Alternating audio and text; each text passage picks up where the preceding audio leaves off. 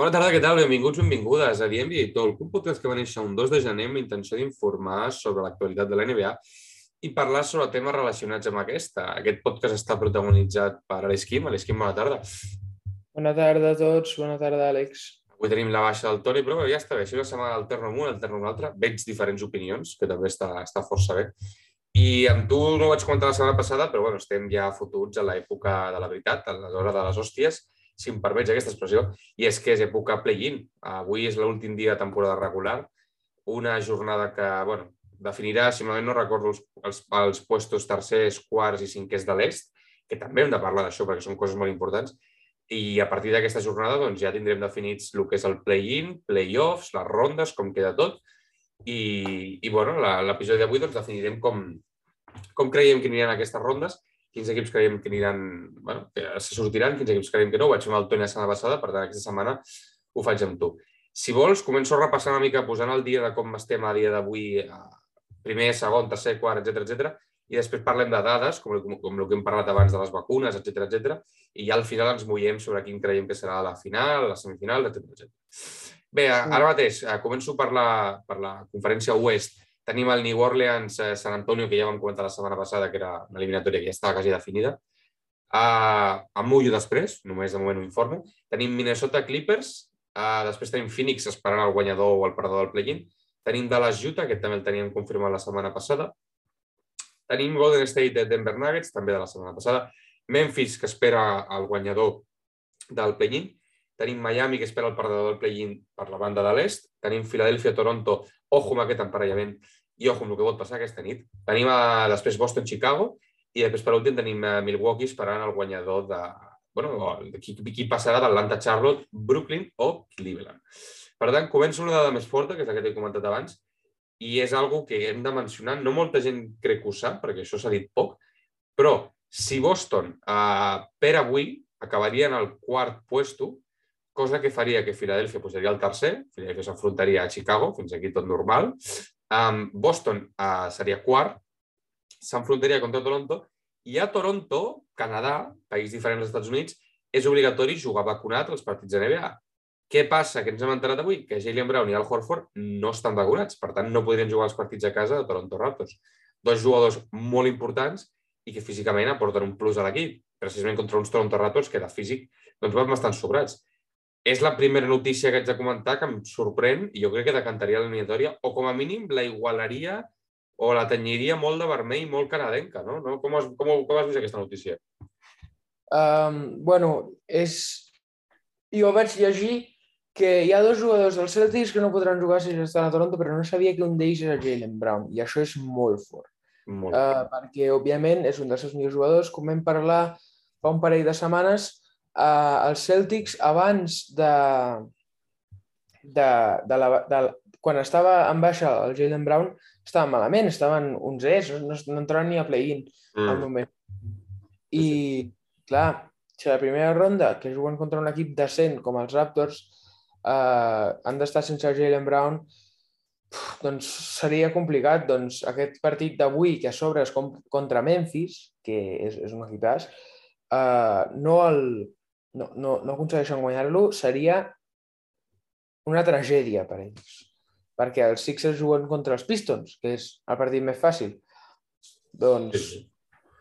I a més a més, sumat, afegeixo això que estàs parlant del partit d'avui, i és que ja, ja Moran ha tornat amb, amb els Memphis Grizzlies. Aquesta matinada han fotut 144 punts, um, han fotut 55 punts al, tercer quart, per tant, si, si Brook, ai, Galen, Brooklyn, i si Boston vol guanyar el partit d'avui, haurà de suar molt, si no van caminat a no tenir a Jalen Brown i al Horford a primera ronda. Segueix, segueix, que tot allà.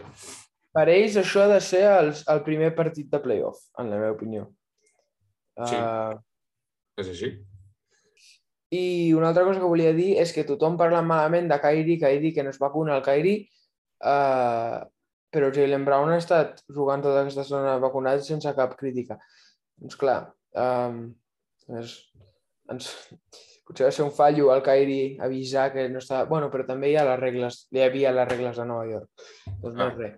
Aquí està la cosa. A Boston sí. pensa que això no passava, per tant, Jalen Brown podia jugar calladet sense que ningú sapigués que no, que no s'havia vacunat. Veritat. El propi Wiggins, el propi Wiggins crec que tampoc o tampoc està vacunat o s'ho va pensar moltíssim abans de vacunar-se. Crec que es va acabar vacunant pel, per la pasta. Sí, però s'ho va pensar. Jo recordo que a l'inici de temporada s'ho va pensar molt. Crec que ho vam... Sí, sí. Però bueno, um, els Celtics han d'esperar que guanyin el partit d'avui. És molt important.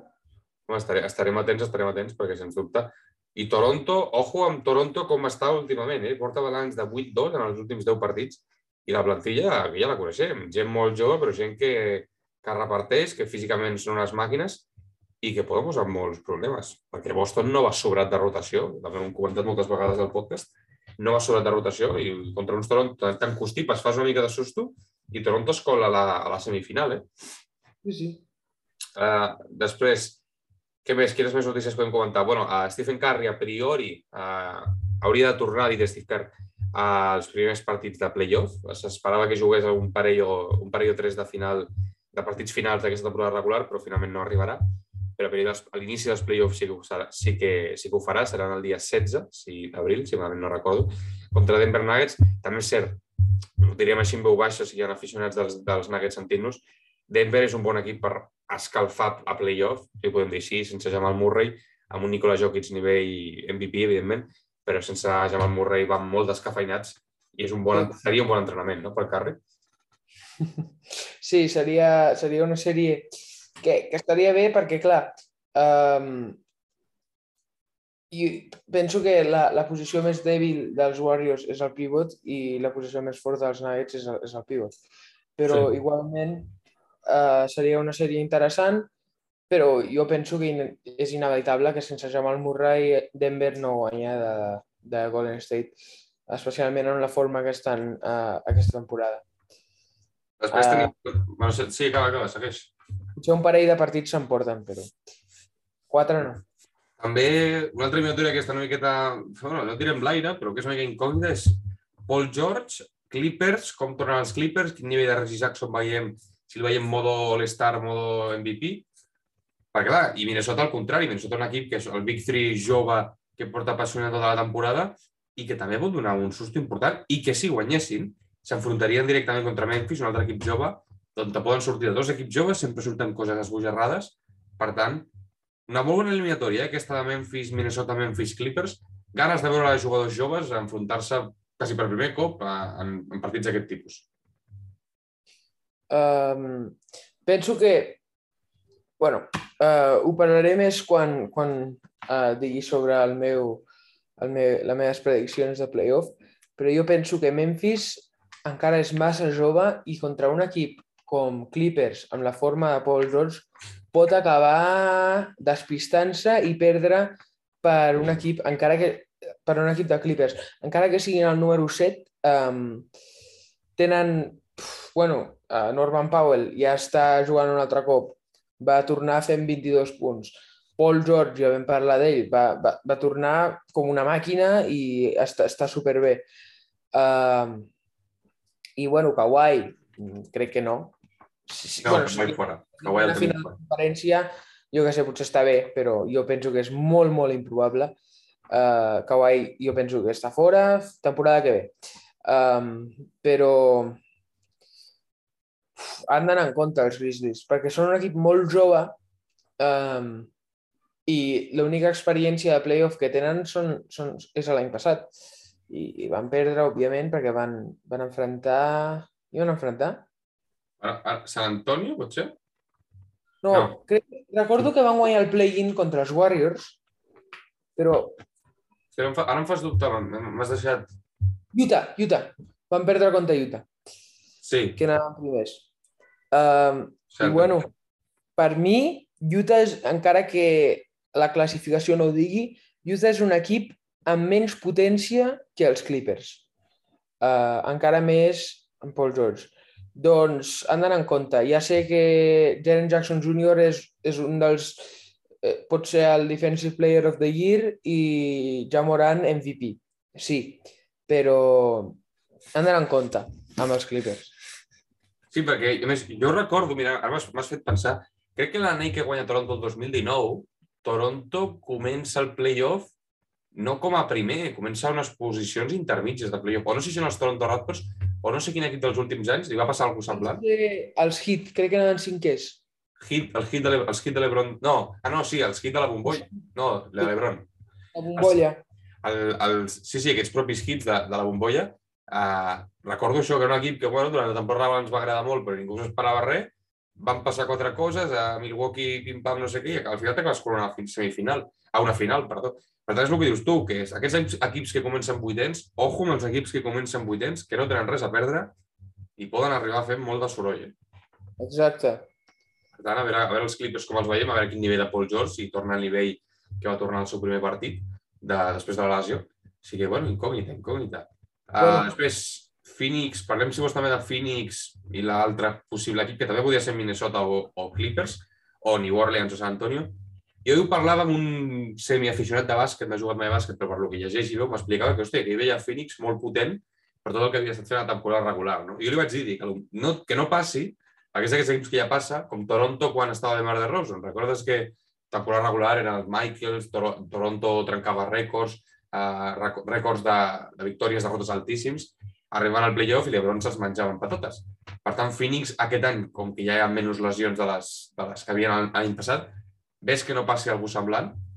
I que no ho sé, a lo millor m'equivoco i Chris Paul la porta veterania i tal, eh? però no, no, no, no, no estic segur. No? Jo no estic segur amb Phoenix. És que els dos equips del... bueno, jo penso que és, és evident que els dos equips que passaran del play-in del, del, de l'Oest són Minnesota i Clippers. Uh, els Spurs i els Pelicans no tenen el... No, no són suficientment bons per guanyar, perquè recordem que és Minnesota Clippers, qui perdi juga contra qui guanyi de San Antonio Pelicans Correcte. i qui guanya aquell partit és setè. I San Antonio Pelicans contra bueno, aquest altre partit, qui guanya aquell es posa vuitè. Doncs aquest partit de Clippers contra Minnesota serà molt interessant, um, però bueno, jo diré el mateix que he dit per uh, Memphis de Phoenix. Encara que siguin no siguin exactament iguals, perquè un té el Chris Paul i l'altre és Ja Morant, que són jugadors contraris, um, bases contraris, en, en el cas. Um, però aquests dos equips s'han d'anar en compte, perquè els dos, Minnesota, amb un Anthony Edwards que et fot 40 punts a sobre del Carl Anthony Towns, que segur que et fotrà 20 també, i el D'Angelo Russell, hosti, és, és, és que és, és un bon equip. Uh, doncs has, d'anar en compte amb ells i els Clippers, tot el que he dit. Doncs a l'est, aquests, aquests partits de 1-8 i 2-7 seran interessants perquè um, és, és possible que, que passi alguna inesperat. Sí, sí, sens dubte. Per tant, oest analitzat, ens n'anem a l'est, si vols. Uh, clar, aquí l'est també seguim una incògnita i és que què passarà amb el partit d'aquesta nit, no? Anal ho analitzaré, si et sembla, com està ara, per no entrar, en, en tants supòsits. Filadèlfia-Toronto, si tot va bé, i amb, el, amb Joel Embiid, com està jugant últimament, han de destrossar Toronto. Destrossar en el sentit numèric, sobretot de Joel Embiid. Toronto crec que pot plantar certa cara, pot fer un paper digne, però al final se'ls menjaran patates. Boston-Chicago, si et soc sincer, tot i la, la reon de Boston final de post, post em segueixen generant dubtes Boston, Chicago, i em quedo amb l'estadística que diu que contra els equips, contra els top 5 equips de, de les dues conferències ha guanyat un partit i ha perdut 25, crec, si malament no vaig equivocat. Uh, per tant, no em transmeten bones confiances cap dels dos. Crec que pot passar qualsevol de les dues coses, o que Jason Tatum se surti, Jalen Brown tres quarts del mateix i guanyi Boston, o que Chicago tingui a Zach Lavin desbocat i de Mar de Rosen, nivell 50 punts per partit, i acabi guanyant Chicago, però no, no estic d'això. I respecte a Milwaukee, home, seria molt maco veure un Milwaukee-Brooklyn a primera ronda, la veritat. Milwaukee jo ja vaig anticipant, serien dels meus preferits, a si guanyen a Brooklyn. Si guanyés a Brooklyn, a partir d'aquí la cosa canvia, però bueno, molt bona eliminatòria. I després Miami, contra també que podria ser qualsevol dels quatre equips, crec que hauria de guanyar Miami. Ojo si Brooklyn perd i se'n va contra Miami, que també podria ser. Però bueno, aquest és el meu petit resum de, de l'est. Ah, i play-in, Atlanta-Charlotte, crec que Atlanta, ha jugat mal, mal, mala temporada però té més experiència, i Brooklyn-Cleveland, evidentment, guanyarà, guanyarà Brooklyn. Parla'm de l'est. Com veus tu l'est? A veure, Jo l'est el veig així. Uh, com està ara mateix, estic completament d'acord. Jo penso que de set partits, Philadelphia només estarà quatre per guanyar a Toronto. Uh, són molt millors. Uh, ja sé que Toronto ho han fet molt bé aquesta temporada. Han estat herois inesperats, perquè molta gent esperava que anirien malament, draft pick i ja està. Però no, però és que recordem que Toronto està jugant Pascal Siakam de pivot i Joel Embiid es, menjarà, es menjaria Pascal Siakam amb patates, com has dit tu, Àlex, completament. Um, després hi ha Boston-Chicago, que depèn d'aquesta nit, com, com has dit. Penso que serà una sèrie molt interessant, però jo al final veig a Chicago guanyant en set partits. Uh, perquè no guanyen de, de molt bons equips, com hem comentat moltes vegades, però Boston no és un d'aquests molt bons equips. Cert. Uh, cert. penso que serà una sèrie interessant, molt xula, però penso que aquest serà el destí. Després hi ha, com a l'altra conferència, jo penso que uh, el 1-8 i el 2-7 són... bueno, el 2-7 depèn. Uh, perdó, el, el 1-8 depèn, però el 2-7 serà molt interessant si és que Brooklyn guanya de Cleveland al play-in. Perquè serà Milwaukee contra Brooklyn. Partidàs. Uah, Partidassos. Amb Sí, sí. I, i com eh, ho, ho hem comentat, Àlex, abans de començar el podcast, um, si Milwaukee guanya contra Brooklyn, arriben a la final. Jo això ho, ho veig molt clar, Mm. perquè, com acabo de dir, guanyaria Chicago de Boston. Si guanyen Chicago de Boston, uh, Milwaukee se'ls se, els guanya de molt i bueno, després hi ha la final de conferència contra Filadèlfia, que seria interessant, però jo també veuria... Uh, bueno, és que depèn, però bueno, si, si Milwaukee guanya contra Brooklyn en aquest partit de 2-7, uh, arriben a la final, en la meva opinió.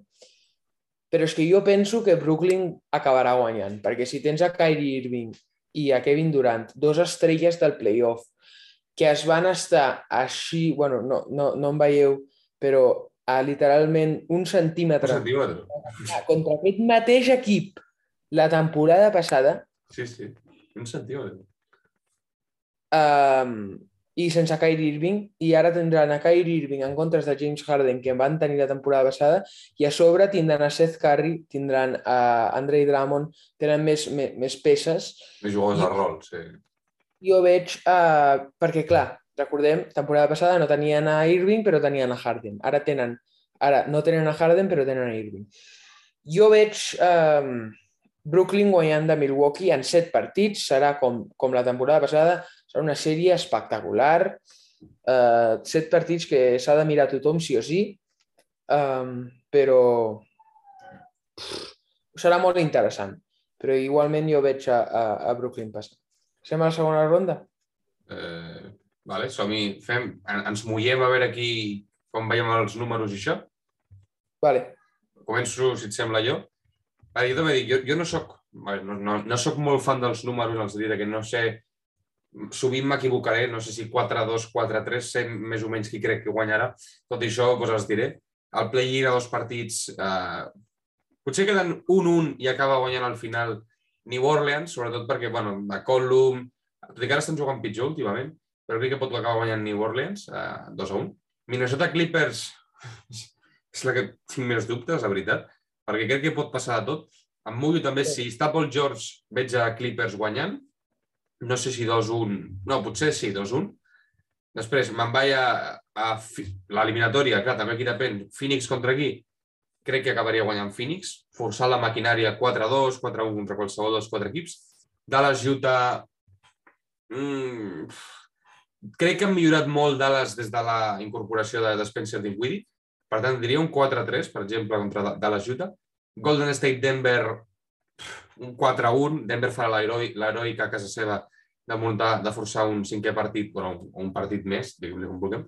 I Memphis contra l'equip que sigui, crec que hauria de guanyar Memphis, tot i que, em reitero, equips joves sempre donen mals de cap. Això és el meu oest. Parla del teu oest, com ho veus? El meu oest, jo tinc el, els Clippers i els Minnesota passant uh, i no importa la- l'ordre que estiguin, però jo he pensat que Minnesota acabaria guanyant la, la sèrie aquesta de play-in. si guanya dels Clippers també seria no- completament normal. Sí. Uh, Phoenix contra Clippers, jo he posat que Phoenix guanyaria 4-2. Um, Paul George els donaria un parell de, de partits difícils, però ja està. Dallas contra Utah, he posat que Dallas guanyaria en 6 partits també, 4-2, uh, perquè Utah, bueno, uh, té, té dos jugadors i un d'ells no fa punts. I ho parlem molt sovint. I, bueno, sí, això. Uh, Golden State contra Denver, jo penso que no serà tan... Jo, jo penso que serà molt difícil pels Warriors per al, per al tema aquest que, de, del pivot, que serà, serà una pesadilla el, el Jokic per ells, però penso que acabaran guanyant els Warriors sí, en set partits, però. Uh, 4-3 Ja. per ells. Vas molt, vas molt lluny, eh? Hòstia. És un, és, un, és un pressentiment que tinc. Ah, bueno, bueno. Vale. Uh, I després, encara més, perdona'm, si Jokic no, no guanya l'MVP, voldrà, voldrà fotre... Ah, Saps? bueno, ja, també, també és... Penso que com que, com que Embiid ha acabat guanyant el, el scoring title, acabarà guanyant ell l'MVP i això li fotrà un, un, una propulsió al, al Jokic. Uh, I després Memphis contra Minnesota. Jo aquí tinc Minnesota o Memphis, pot ser qualsevol dels dos, uh, guanyant en set partits. Penso que la sèrie anirà a set partits i al, al partit número 7 pot passar qualsevol cosa. Però, bueno, uh, Memphis. Però penso que anirà a set partits. 4-3. Bueno, interessant, interessant. Eh? Uh, hem dit moltes opcions. M'agrada, sobretot que aquests episodis i aquestes xarles que tenim, m'agrada escoltar-les després quan passen rebé les coses, a veure qui tenia raó. Qui... Podem estar molt correctes o fallar dràsticament. Sí, sí, exacte, que això és el que pensem nosaltres, però que, bueno, que la NBA és tan bonica i és aquesta bona lliga que pot passar al contrari del que acabem de dir. Exacte. Uh, par parlo de l'est. Um, Play-in. Evidentment, Brooklyn passa a primera ronda. No, potser si algun aficionat de Cleveland diré que 2 a 1. Mira, potser Cleveland fa algun susto a casa seva. Uh, després hi haurà un Cleveland contra Atlanta, crec que guanyarà Atlanta. Per tant, tindrem un Miami-Atlanta que crec que tindrem un 4 a 1, perquè Miami activarà modo playoff, és a dir, PJ Tucker a repartir estopa, Kyle Lowry a repartir estopa, per tant, Miami veig un 4 a 1, 4 a 2, si m'apures.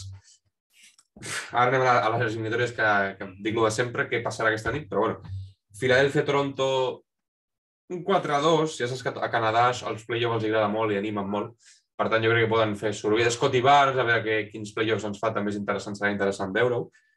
Boston-Chicago, aquí dubto molt, eh?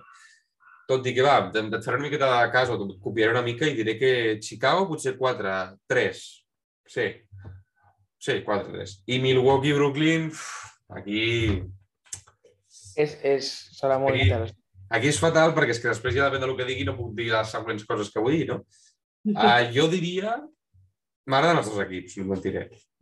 Potser Milwaukee té factor camp, per tant, faré l'èpica 4-3 uh, guanya Milwaukee, el saber partit, amb Tedo potser potent 50 punts com, com, a, l'últim partit de les finals.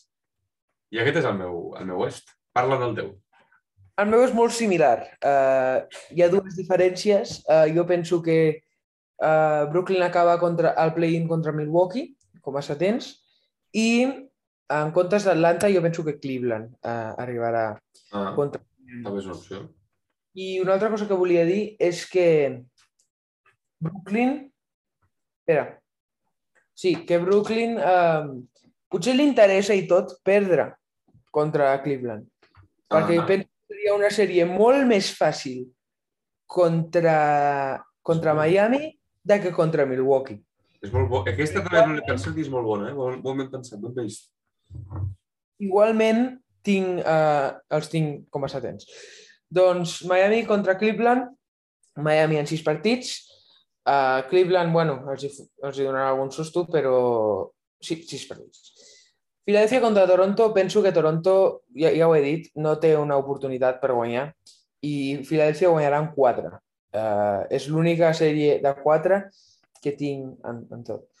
I després Boston-Chicago, ja ho he dit, set partits, Chicago, i Milwaukee-Brooklyn he posat he posat Brooklyn en 7, però igualment que guanyi Milwaukee, com, com m'ha passat amb Memphis i Minnesota, um, ho tindria tot igual fins al final. I, i bueno, sí. És això, és així com... ho dic. Sí, que els veus els dos campions, o sigui, els dos seguiran la trajectòria, creus, no? Jo penso que qui guanya aquesta sèrie arriba a la final de l'Est. Molt bé, molt bé. Estic, estic parcialment, per no dir totalment d'acord amb el que hem dit. Després, semifinals, em bullaria, però si deixem una mica de rumor per les properes setmanes, el que dic ja és la final, quina crec que serà la final.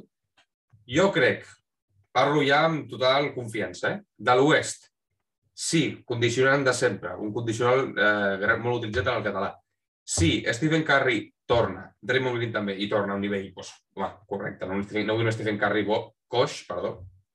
Uh, jo crec que Golden State es planta a la final, es, es ventila a tots els equips de l'Oest.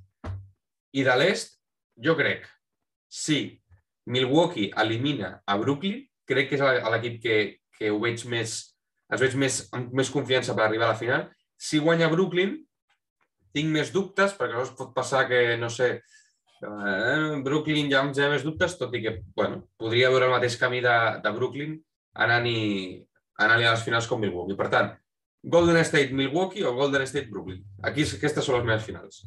La meva és la mateixa cosa, exactament el mateix. Golden State arriba a la final, segur. Final de conferència Phoenix contra Golden State i Golden State els, els guanya en 5 partits, fàcil.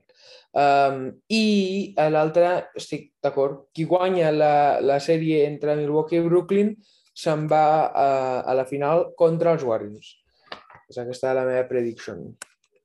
Ja són uns anys veient bàsquet, no suposo. Això és el que ens passa. No? Sí. Això, això devem coincidir tant.